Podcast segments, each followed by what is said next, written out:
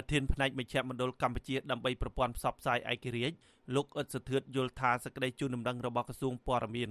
ហាក់ដូចជាការដាក់គំនាបមកលើស្ថាប័នសារព័ត៌មានដែលមានវិជ្ជាជីវៈលោកថានេះជាការដាក់សម្ពាធមកលើប្រតិបត្តិការរបស់ក្រុមអង្គការសង្គមស៊ីវិល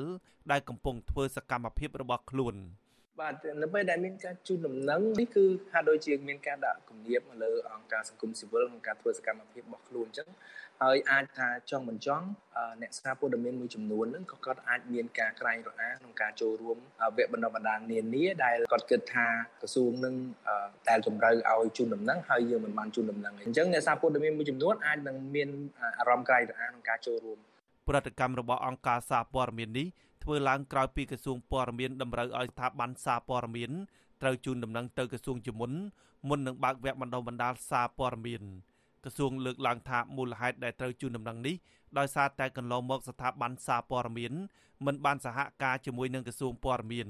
ហើយក្រសួងចង់ឲ្យការបណ្ដុះបណ្ដាលឲ្យបានត្រឹមត្រូវទៅតាមក្បួនខ្នាតតាមក្រមសីលធម៌វិជ្ជាជីវៈសារព័ត៌មាន អ្នកនាំពាក្យក្រសួងព័ត៌មានលោកមីសុភ័ណ្ឌថ្លែងថាការជូនដំណឹងរបស់ក្រសួងព័ត៌មាន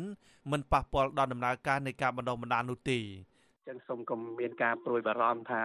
ក្រសួងឲ្យជូនដំណឹងមកនេះជា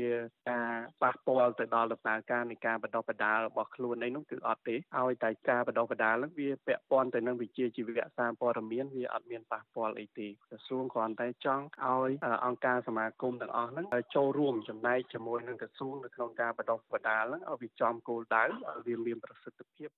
លោកមេសុភ័ណ្ឌបញ្ជាក់ថាក្រសួងមិនមានបំណងពិនិត្យលើខ្លឹមសារឬទិន្នន័យរបស់ស្ថាប័នបណ្ដុះបណ្ដាលនោះទេក្រសួងចង់តែដឹងលើមុខជំនាញ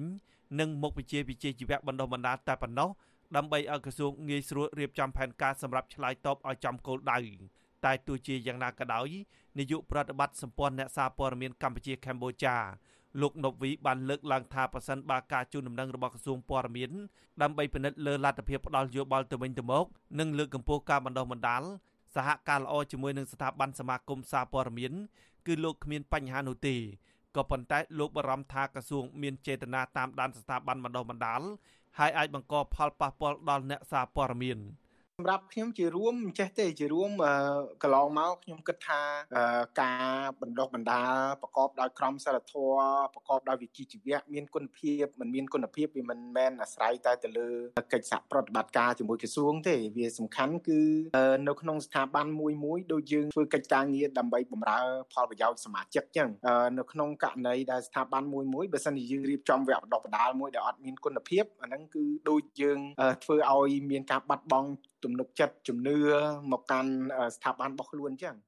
អង្គការអ្នកកសែតគ្មានព្រំដែន Reporter Without Border បានដាក់ចំណាត់ថ្នាក់ប្រទេសកម្ពុជាមានស្ថានភាពសេរីភាពសារព័ត៌មានអាក្រក់ដោយស្ថិតនៅលេខរៀង144ក្នុងចំណោមប្រទេស180អង្គការនេះបានរកឃើញថាសេរីភាពសារព័ត៌មាននៅឆ្នាំ2020នៅតែបន្តស្ថិតនៅក្រោមការរឹតបន្តឹងការគម្រាមកំហែងការចាប់ខ្លួនអ្នកសារព័ត៌មានដាក់ពន្ធនាគារពីបទព្រហ្មទណ្ឌនិងការបង្កើតច្បាប់ថ្មី ដែលមានការរឹតបន្តឹងសេរីភាពសារព័ត៌មានដោយជាច្បាប់គ្រប់គ្រងប្រទេសកម្ពុជាក្នុងភាពមានអាសន្នជាដើមខ្ញុំបាទហេងរស្មី អាស៊ីសេរីពីរដ្ឋធានី Washington